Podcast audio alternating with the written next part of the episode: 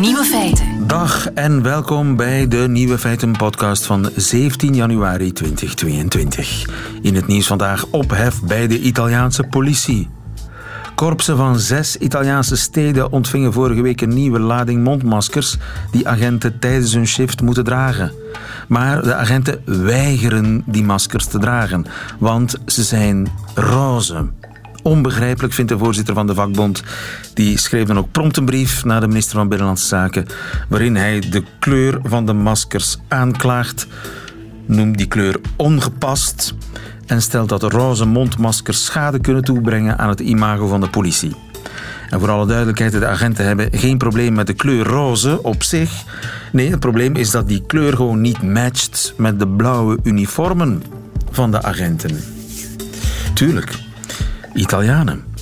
De andere nieuwe feiten vandaag. Verveling is een belangrijke bron van sadisme en pestgedrag, blijkt uit nieuw onderzoek. Van taekwondo word je niet alleen sterk, maar ook slim. De clitoris van de dolfijn lijkt als twee druppels water op die van de mens. En in Frankrijk is de hoge drukreiniger terug van weg geweest in de politiek. De nieuwe feiten van Johan Terrein, die hoort u in zijn middagjournaal. Veel plezier.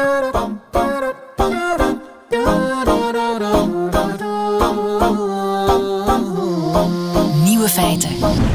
Wie niet sterk is, die moet slim zijn. Maar er is een vechtsport waar je allebei van wordt, zowel sterk als slim.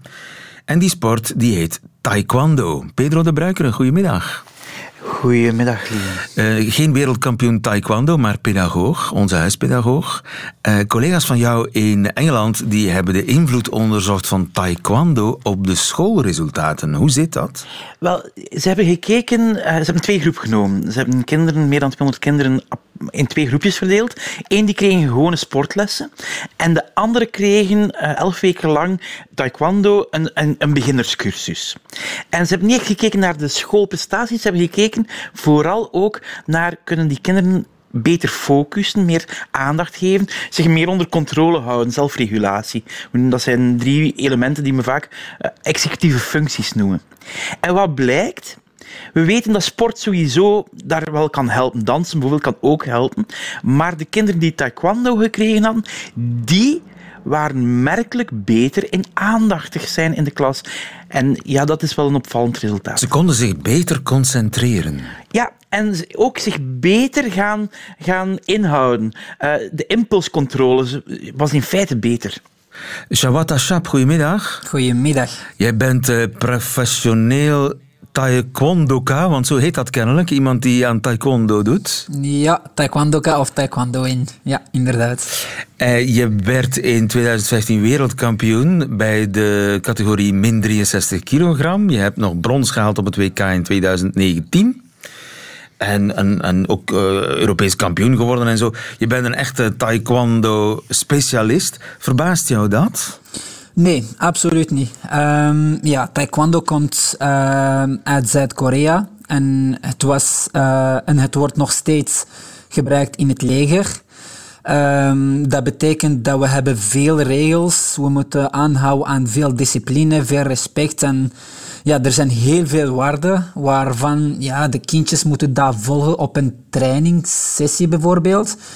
Dus ja, dat is niet uh, exact zoals het leger, maar we hebben bijvoorbeeld, ja, voordat wij naar de training gaan, allee, trainingszaal uh, binnen mogen, we moeten een groet doen naar de training, uh, trainer, een groet doen bijvoorbeeld naar onze tegenstander. En er zijn heel veel regels en ja, dat is, dat is, normaal dat kindjes hebben beter focus in hun dagelijkse leven. Ja, want je moet ook tijdens het, de, de, het gevecht zelf, moet je ook heel veel regels in acht nemen moet op, op ja, heel veel inderdaad. tegelijkertijd letten. Ja, inderdaad. We hebben heel veel regels. Bijvoorbeeld, ja, we hebben een panzer en een helm. Je mag alleen maar daar trappen. Als je trapt ergens anders, bijvoorbeeld aan de benen bijvoorbeeld, of ja, ergens anders, dan krijg je direct een strafpunt. Um, ja, er zijn andere regels. Bijvoorbeeld, ja, je mag niet met de vuist boksen aan het gezicht, bijvoorbeeld. Dus we moeten die allemaal blijven volgen. Ja.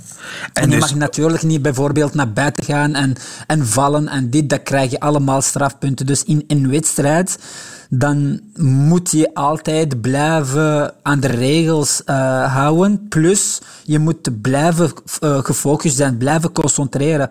Anders, bijvoorbeeld, ja, als je je mist je, je concentratie bijvoorbeeld, dan, ja, dan kan dat je een trap krijgt op je gezicht. Dus ja. je moet altijd blijven opletten. Dus die hele sport die draait rond focus en zelfbeheersing. Ja, inderdaad. inderdaad. En heb jij zelf, want jij, neem ik aan, hebt als kind al aan taekwondo gedaan? Ja, ik uh, begon aan taekwondo toen ik drie, vier jaar oud was. Drie, vier uh, jaar? Ja, ik was heel jong en uh, ja, mijn, mijn, moeder zag dat ik heel actief thuis was. Dus ik, ja, ik was aan het bewegen en aan het lopen overal thuis. En uh, ja, ze wou me uh, laten taekwondo proberen, want er was een, een taekwondo club naast ons. En de trainer wou in het begin mij niet accepteren, want ik was een jaar of twee te jong. En ja, mijn moeder heeft gezegd, ja, je mocht hem één keer proberen.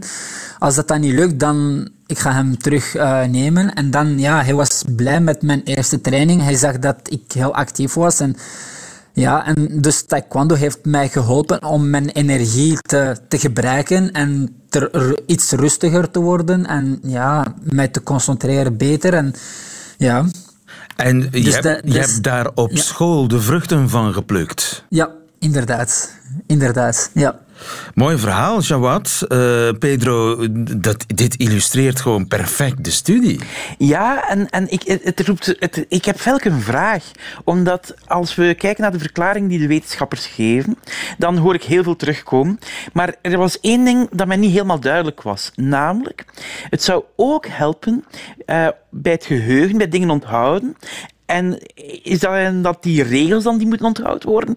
Maar ik vroeg mij wel af in taekwondo waar dat, dat oefenen op onthouden zit. Daar ben ik wel nieuwsgierig naar. Ja, wat? Yes. Train je ook je geheugen? Ja, dat is een heel interessant en superbelangrijke vraag. Want we hebben wel allez, we hebben technieken om te vechten, bijvoorbeeld. Dat is Kyorugi, dat noemt Kyorugi in Koreaans. En dan we hebben Pumse. Dus uh, Pumse, dat is, een, uh, ja, dat is geen echt dat is een gevecht, maar je vecht alleen.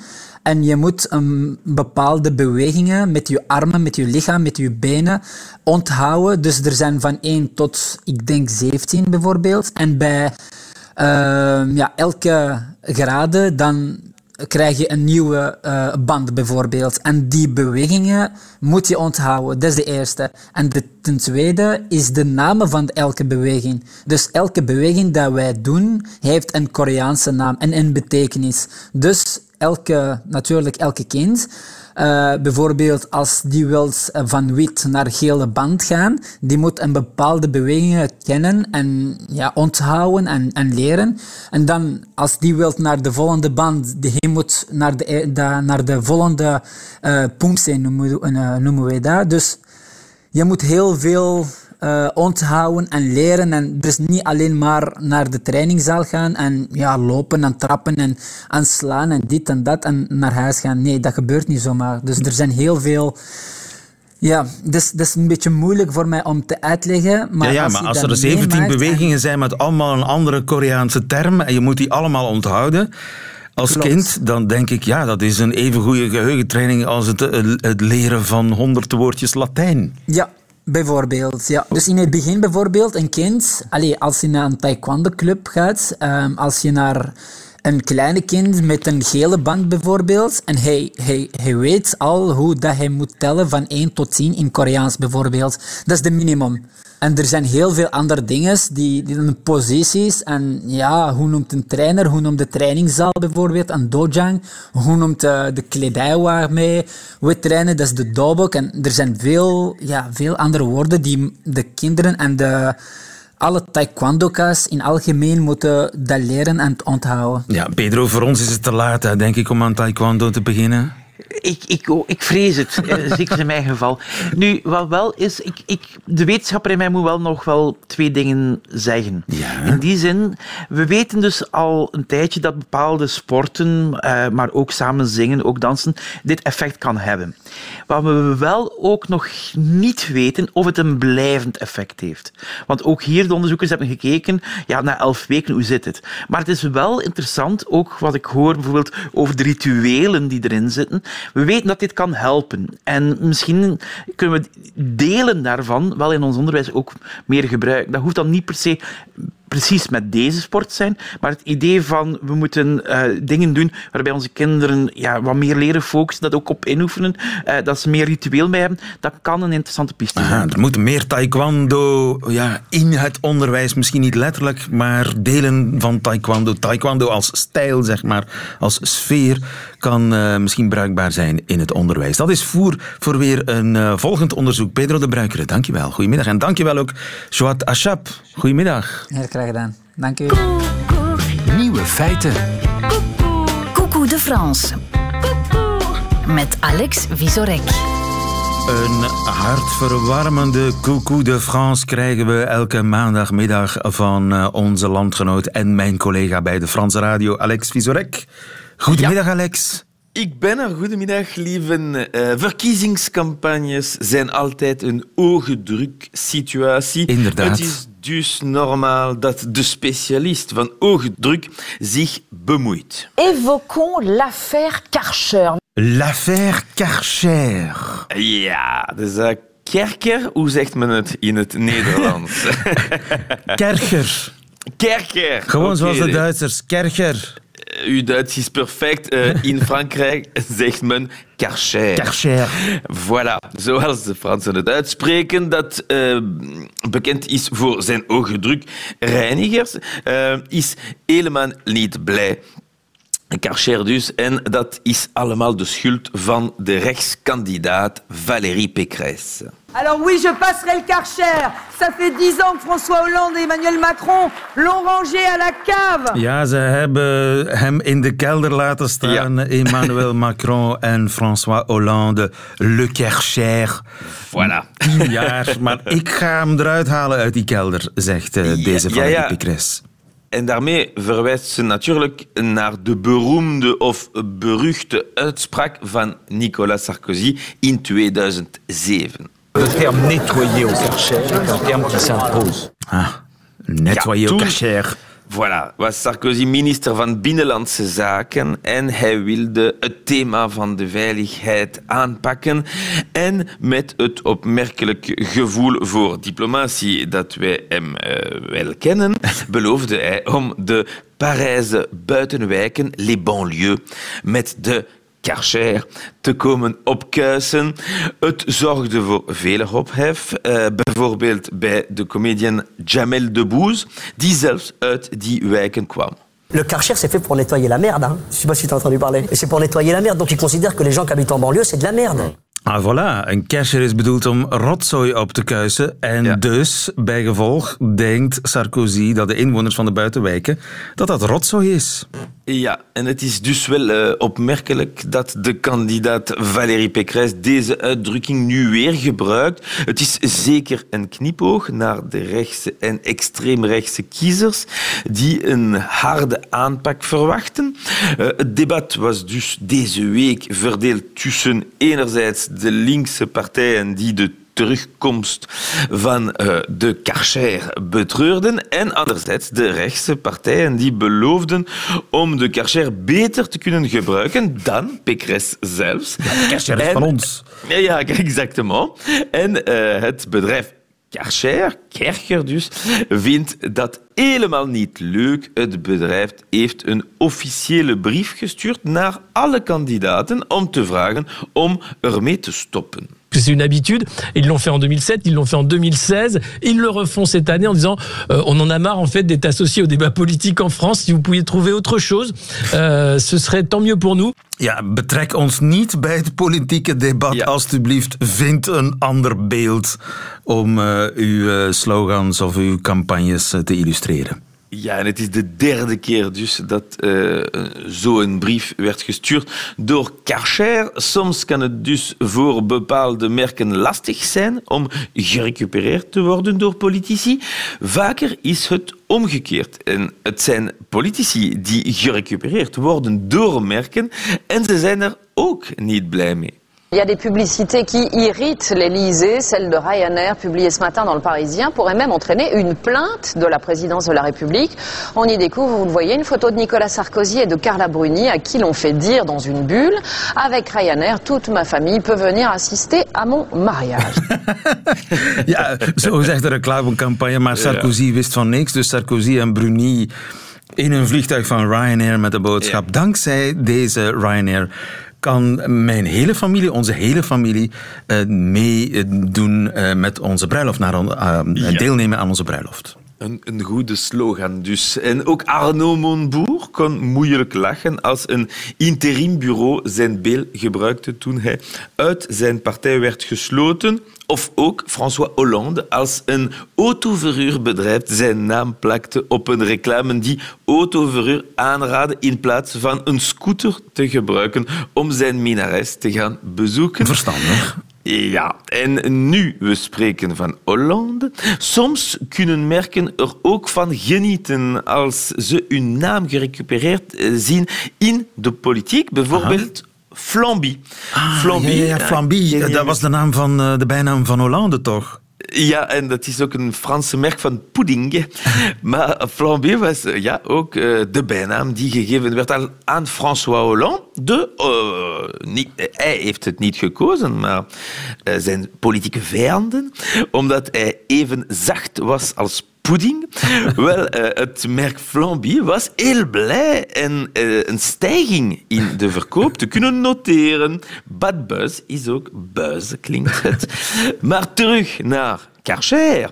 Het bedrijf wil dus niet geassocieerd worden met de Franse rechtswaarden, maar het is zeker ook niet alleen dat. Een gelijkaardige situatie vond ook plaats tussen het Franse tijdschrift Le Point en het merk van speelgoed Mécano.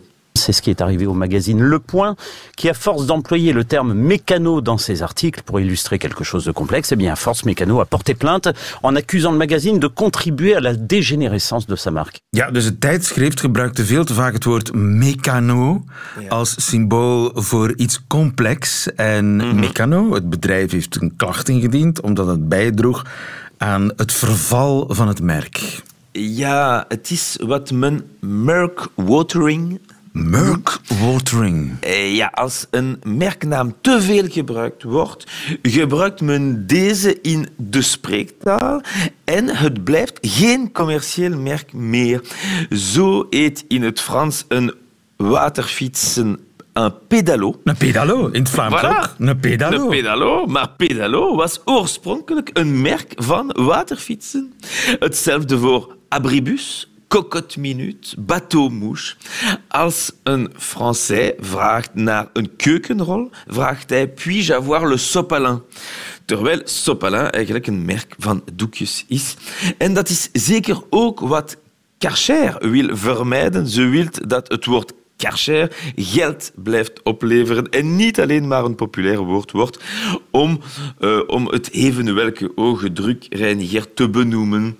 En voor de rest kan het maar deugd doen aan het debat, want... Le nettoyage haute pression, c'est pas non plus une façon de faire de la politique, peut-être Ja, uh, hoge voilà. drukreiniging is geen manier om aan politiek te doen.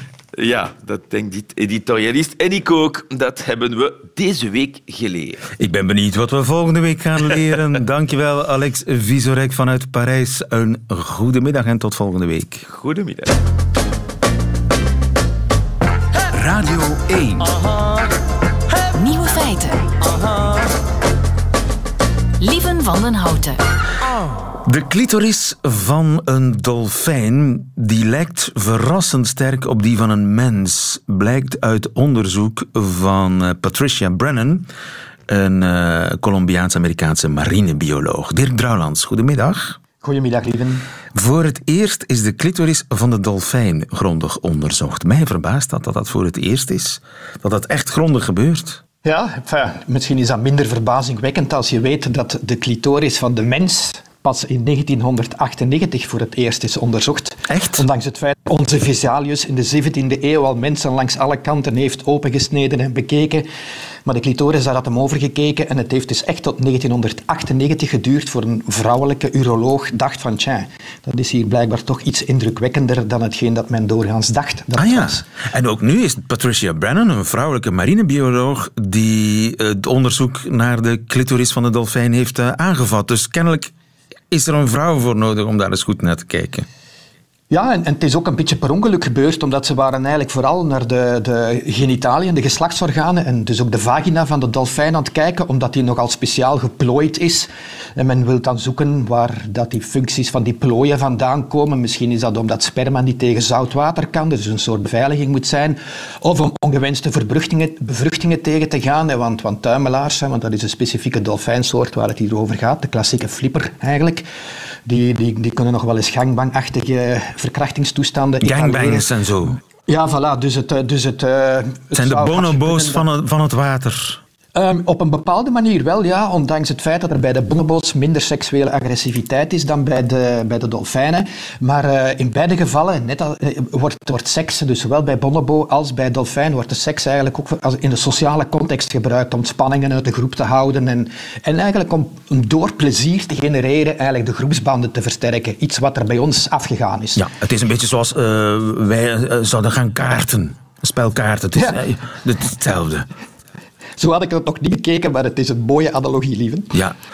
Wat gaan we doen? Kaarten of eh groepseks? Dat is, zo Ja, gaat het voilà, eigenlijk ja. ongeveer bij de dolfijnen. Ja. En dus dan ook dus alle geslachten door elkaar. Dat, is, dat maakt helemaal niks uit. Alles, eh, alles is mogelijk. En, eh, en ze hebben dus wel vastgesteld, onder andere dus door observaties van dolfijnen en natuurlijk gedrag, dat die clitoris toch vooral wel dient voor lesbische seks. Dus dat de vrouwen elkaar gaan stimuleren met hun snuit en met hun flippers. Er is ook masturbatie in het spel, waar dat dus, een dolfijn zijn, of haar clitoris dan op een steen op de bodem gaat wrijven. Dus waaruit men toch kan afleiden dat het effectief wel een plezant gevoel moet geven. Ja. Het punt is natuurlijk, of dat, ze, dat is de grote vraag, of dat ze ook iets krijgen wat wij een orgasme zouden noemen. Van bonobos denkt men dat dat zo is, hoewel dat je dat natuurlijk aan die beesten niet kunt vragen. Maar die geluiden die die daarbij maken en die grimassen die die daarbij trekken, die lijken er toch op te wijzen dat bonobos dus effectief een climax kunnen krijgen. Ja. Maar, de gezichtsuitdrukking van een dolfijn is een beetje Ja. Minimaal, hè? Ja, voilà. Ja, en, en het geluid interpreteren onder water is ook al niet zo evident. Dus het is zeker dat die clitoris plezier verschaft, maar of het zo ver gaat dat het ook een orgasme is, dat weten we nog niet. Ja, he- hebben vrouwelijke zoogdieren een orgasme? Ook dat is, een, neem ik aan, een vrij zelden onderzochte kwestie. Ja, ik denk dat, we daar, eh, dat, dat niet evident gaat zijn. Het is wel zo dat alle zoogdieren een clitoris hebben. Dus, eh, dus dat is ook een relatief nieuw inzicht, wat dat eigenlijk niet helemaal verwonderlijk is, want de penis en de clitoris zijn in aanleg eigenlijk hetzelfde orgaan. Hè, dus dezelfde kleine cellengroepjes in een embryo die bij de man de penis worden, worden bij de vrouw de clitoris. Dus het is ergens logisch als er penissen zijn, dat er ook clitorissen zijn. En ze hebben ze effectief bij alle zoogdieren gevonden. En sommige soorten, zoals de gevlekte hyena als extreem voorbeeld, hebben die clitoris wel echt uitgebouwd tot iets helemaal apart. hè. De, de gevlekte hyena is een dier met een matriarchaat, dus dominante vrouwen hebben het voor het zeggen. Die vrouwen hebben drie keer meer testosteron dan de gemiddelde mannelijke hyena. En die hebben zo'n clitoris van liefst 17 centimeter, die ze ook als geboortekanaal gebruiken. Zowel als voortplantingskanaal, dus, dus de penis moet erin. Daarbij wordt die clitoris dan naar binnen geklapt. En eh, als geboortekanaal naar buiten. Dus het is een gigantisch orgaan dat bij die soort heel functioneel is. Maar bij de meeste, meeste zoogdieren wordt de clitoris ook wel gebruikt om te plassen, zoals wij met onze penis doen. Maar voor de rest is het onduidelijk of daar dus dan bovenop nog een seksuele functie aan zit. Maar dus bij de dolfijn lijkt die heel sterk op die van een eh, vrouw, een mens. Ja, dat is bizar. Er zijn blijkbaar niet veel manieren om een goede clitoris te maken, want een dolfijnenclitoris zou bij wijze van spreken transplanteerbaar naar die van de mens eh, eh, kunnen zijn. Hij is iets groter, maar niet veel. Hij heeft dezelfde anatomische structuur. Hij heeft dezelfde zwellichamen die dus een erectie kunnen geven. Hij heeft hetzelfde soort eh, bezenuwing, hè, dus dikke zenuwen die dan dikwijls op een, dunne, onder een dunne huid zitten, dus gemakkelijk prikkelbaar zijn. Het is wel één voordeel dat de dolfijn heeft ten opzichte van de mensenvrouw. Dat is de clitoris van een dolfijn is iets beter bereikbaar dan die, van, dan die van ons. Dus daar hebben ze iets meer werk van gemaakt in de loop van de evolutie. Ja, dus wat dat betreft hebben ze een voordeel. Is er een soort constructiefoutje bij de mens? Ja, bij de mens ligt hem iets meer verborgen in, eh, in, eh, in, in de vagina dan bij een dolfijn. Het grootste deel ligt sowieso binnen, hè, maar dus het, het stukje dat uh, zichtbaar is en dat bereikbaar is, is bij een dolfijn iets beter geplaatst voor uh, stimulatie dan bij de mens. Ze moeten wat minder wringen om contact te kunnen maken met de clitoris, om het uh, een beetje onbeleefd te zeggen. Dus er is nog een braakliggend terrein van wat heb ik jou daar? Ja, het is ook, bizar dat men ondertussen ook ontdekt heeft dat zelfs bij vogels uh, clitorissen kunnen voorkomen. 3% van de vogels, onze eenden bijvoorbeeld, de ganzen, die hebben een penis. En diezelfde uh, vogels, diezelfde soorten, hebben dus ook een clitoris. Dat is heel raar. En daar weet men eigenlijk nog helemaal niks van. Dus dat is, uh, dat is absoluut helemaal braakliggend terrein. En om het helemaal interessant te maken, blijken er ook een aantal reptiele soorten te zijn die een soort clitorisachtige invulling van een penisorgaan hebben uh, ja. bij de vrouwtjes. Dus uh, er is nog werk aan de winkel. Maar de onderzoekers die die dolfijnenclitoris bestudeerd hebben, zijn vastberaden om uh, zo goed als het volledige dierenrijk te gaan doorlichten, denk ik. Ze hebben dan een orca-clitoris te pakken gekregen. Ze zoeken naar een blauwe vinvis-clitoris, de clitoris van het grootste dier dat ooit geleefd heeft. Dus ik denk dat we daar nog wel meer van gaan horen van die ja, en, en, dit, en van de clitoris. En dit raakt natuurlijk aan een interessant domein, namelijk hebben dieren soms ook gewoon voor de lol seks? Absoluut. En, en ja, dat is nu de grote vraag. Hè. Als je muizen bezig ziet, als je konijnen bezig ziet, als je katten bezig ziet, je ziet er niet echt veel plezier in. Maar wie zijn wij mensen om te oordelen over de genotsfunctie van andere dieren? Hè? Dus, uh, dus ik ben benieuwd wat dat gaat opleveren. Dat ja, want een, een clitoris heeft ja, weinig andere functies, kan weinig andere functies hebben dan precies die genotsfunctie. Ja, maar hij hoeft ook niet per se een genotsfunctie te hebben. Dat is hem niet juist. Als hem echt een analogie is van een, van een penisorgaan, een penis die ook voor andere dingen gebruikt kan worden dan hè, de voortplanting, hè, bijvoorbeeld het plassen zoals wij doen, dan hoeft hij niet per se een, uh, een genotsfunctie te hebben. Nogmaals, bij zoogdieren, ook bij veel zoogdieren, wordt uh, clitoris ook effectief als urineleider gebruikt. Hè. Dus ja. daar zit dan wel een, een vergelijkbare functie in. Maar de genotsfunctie, dat hangt denk ik af van de manier waarop een soort aan seksualiteit doet. En ik denk dat genotsfunctie eigenlijk toch iets is dat bijna exclusief is voor soorten die veel seks hebben. En niet alleen seks hebben voor de voortplanting, maar ook voor de, voor de groepsband. En, uh, en bij ons we seks omdat wij niet weten wanneer, veel seks omdat wij niet weten wanneer onze vrouwen vruchtbaar zijn. Dus in principe veel seks moeten hebben als we de kans op een bevruchting niet willen laten liggen. Dus, dus plezier is blijkbaar toch ergens verbonden aan, uh, aan uh, chronische en veelvuldige seksuele activiteit. Ja, en daar weten ze bij de dolfijnen alles over. Dirk Drouwlands, dankjewel. Goedemiddag. Goedemiddag, lieven. Nieuwe feiten. Mensen pijn doen, louter voor de lol. Wie doet nu zoiets? Wel, zo blijkt, iemand die zich verveelt doet zoiets. Tom Bekkers, goedemiddag. Goedemiddag, lieve. Tom, je bent professor cognitieve psychologie aan de Universiteit van Leuven. En het zijn collega's van jou in Aarhus, in Denemarken, die onderzoek gedaan hebben naar de naar verveling als bron van sadisme. Hoe hebben ze dat onderzocht? Ja. Is dat met experimenten of met een vragenlijst? Wel, ze hebben een hele race studies gedaan. Het was een groep van auteurs uit Denemarken, maar ook collega's uit Servië, Duitsland, de Verenigde Staten. En die um, hebben een hele reeks van studies gedaan. Een, een deel daarvan gewoon vragenlijstonderzoek. Dus uh, ze leggen mensen allerlei vragenlijsten voor. En dan Verveelt blijkt... u zich vaak? Dat soort vragen. Ja, ja eigenlijk, eigenlijk vragen ze dat gewoon. En dan blijkt dat mensen die aangeven dat ze zich in het dagelijkse leven vaak en makkelijk vervelen, dat die ook meer sadistische neigingen rapporteren. En dat in allerlei contexten. Uh, mensen die zich makkelijker vervelen gaan sneller anderen trollen op het internet. Soldaten die zich vervelen tijdens de dienstplicht of op missie gaan zich sneller sadistisch gedragen ten opzichte van hun medesoldaten. Wellicht relevant, niet alleen voor pestgedrag ten opzichte van nieuwe recruten, maar ook voor uh, de ontsporingen. Die Zorg dat die soldaten iets leuks te doen hebben. Anders ja. gaan ze zichzelf de duvel en anderen de duvel aandoen. En ook mensen ja. die de, de, halve dag op Twitter andere mensen anoniem de, de huid vol zitten te schelden, die doen ja. dat uit verveling. Die zouden eigenlijk beter een leuke hobby vinden. Ja, wie weet. Uh, maar het gaat verder. Ook ouders die zich vervelen als ze bij hun kinderen zijn, gaan blijkbaar makkelijker over tot kindermishandeling. En, uh, en Amerikanen die zich vervelen, die fantaseren ook meer over het doodschieten van onbekenden voor het plezier. Nou, dat blijkt allemaal uit die vragenlijsten. Hebben ze ook experimenten gedaan? Ja, want het probleem natuurlijk met, met dit soort van vragenlijsten is dat je daar eigenlijk niet makkelijk uit kan afleiden wat oorzaak is en wat, is, en wat gevolg is. Misschien uh, mensen die sadistisch aangelegd zijn, die vervelen zich misschien ook gewoon makkelijker. Aha, ja. Plus, om maar eens iets te zeggen, uh, mensen die zich vervelen, die hebben meer tijd om over van alles te fantaseren. Dus ook misschien over het doodschieten van onbekenden voor het plezier, maar gewoon omdat ze over, over van alles veel meer kunnen nadenken, kunnen fantaseren, etc. Maar ze hebben dus ook inderdaad een aantal experimenten gedaan waarbij ze verveling echt gingen manipuleren. Door mensen bijvoorbeeld 20 minuten lang naar een video van een waterval te laten kijken of, of vijf minuten lang naar een video van een hoop stenen. En, Interludium, en zoals vroeger. Ja, ben je oud genoeg ja. om dat meegemaakt te hebben? Interludium. Nee, nee. Had je vroeger op de televisie, ja, als er even iets fout ging, dan, of er moest vijf minuten gewacht worden op iets, dan kregen we een filmpje te zien van, van een aquarium.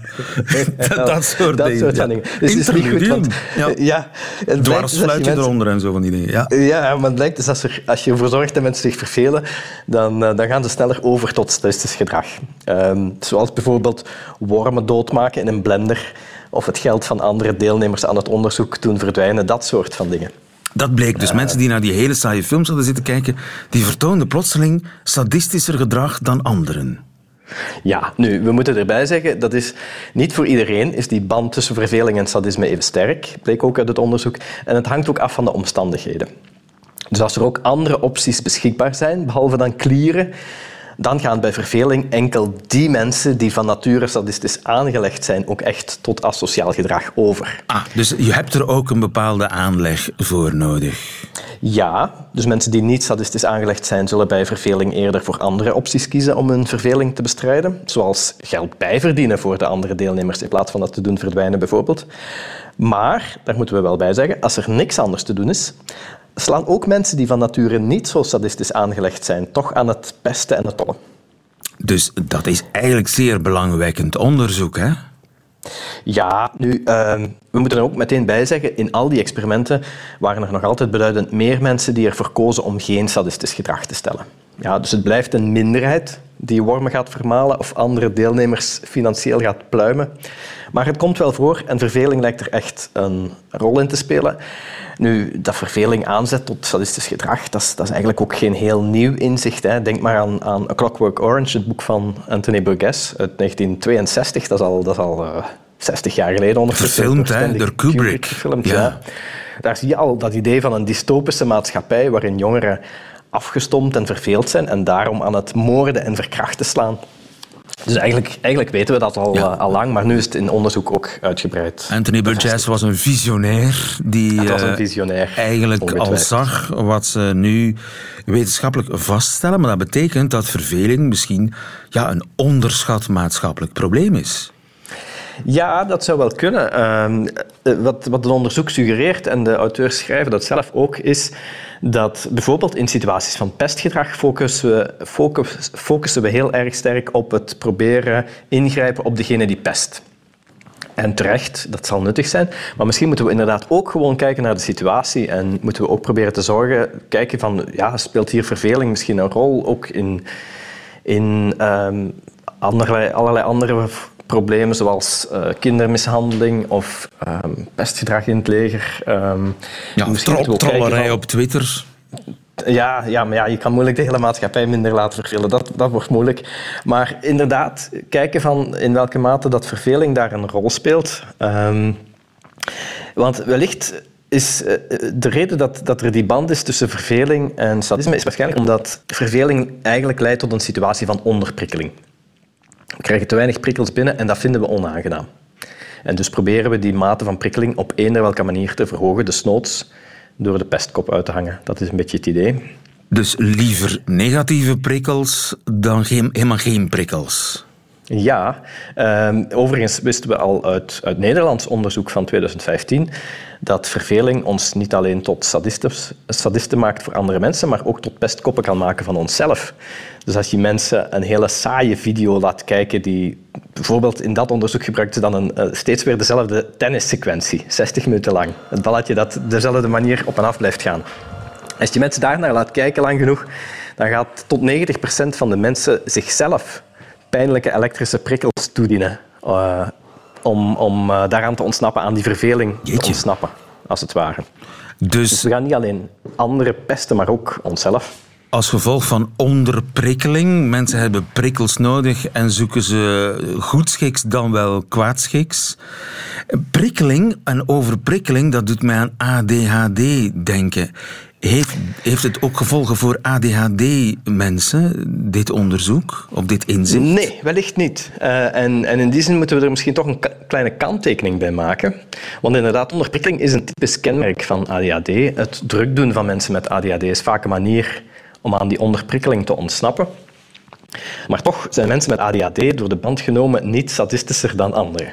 Uh, daar is helemaal geen uh, evidentie voor.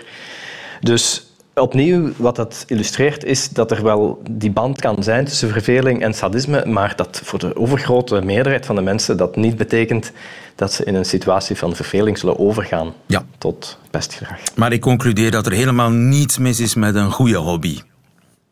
Er is niks mis met een goede hobby, al moet ik er misschien toch ook nog deze kanttekening bij maken. Verveling is niet alleen maar negatief. Uh, we zien dus in dit onderzoek dat verveling kan leiden tot allerlei vormen van sadistisch gedrag. Maar verveling kan ook positieve effecten hebben. En misschien moeten we een beetje een onderscheid maken tussen de onaangename, vervelende verveling en de aangename verveling die iemand doet dagdromen. En soms moet je door die eerste om de tweede te bereiken misschien. Maar die aangename vorm van verveling heeft zeker ook wel positieve effecten. Zo verhoogt het afdwalen van je gedachten de kans om nieuwe creatieve inzichten in bepaalde problemen te verwerven. Zo zit dat. Op zoek naar de positieve verveling. Tom Bekkers, dankjewel. Goedemiddag. Graag gedaan. Dag lieven. Nieuwe feiten. Ziezo, dat waren ze. De nieuwe feiten van 17 januari 2022. Alleen nog die van Johan Terrein nu in zijn middagjournaal. Nieuwe feiten. Middagjournaal. Beste luisteraar. We zijn nog maar een paar weken nadat de woorden van het jaar 2021 werden bekendgemaakt en toch voel ik al een zekere ontknalhang. In tegenstelling tot knaldrang is dat de behoefte om de tijd in stilte door te brengen. Ik weet het, dit woord gaat de vandalen longlist van 2022 niet halen. Stille mensen laten zich maar al te vaak weinig horen. Intussen meldt mijn telefoon dat mijn schermtijd afgelopen weken is toegenomen. Dat is vervelend, want als er nu iets is wat mijn ouders me niet meer kunnen opleggen, is het wel een beperkte schermpjestijd. Ik zal er zelf iets op moeten vinden. Ik geef toe dat er momenten zijn dat ik heel Twitter lees. Niet dat ik zelf veel tweet, ik ben meer een voyeur. Zeker als ik een polemiek open van niet al te doordachte meningen, bezorgt me dat vaak.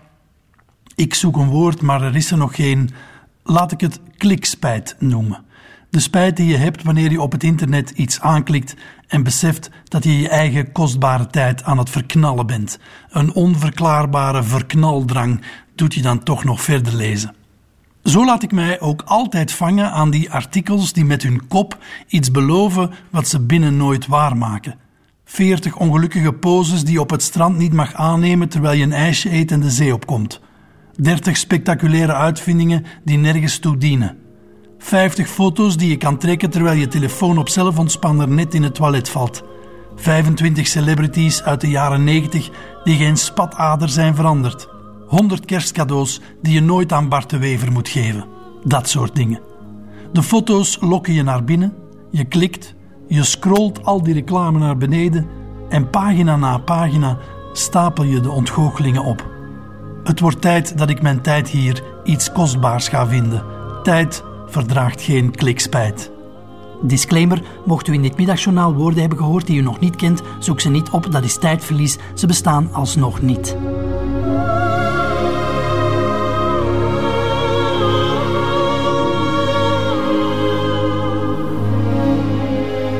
Ontknalhang en klikspijt. Nieuwe woorden die misschien in de lijst terechtkomen van woorden van het jaar 2022. Wie weet, ik sluit niks uit. Johan Terrein in het middagjournaal.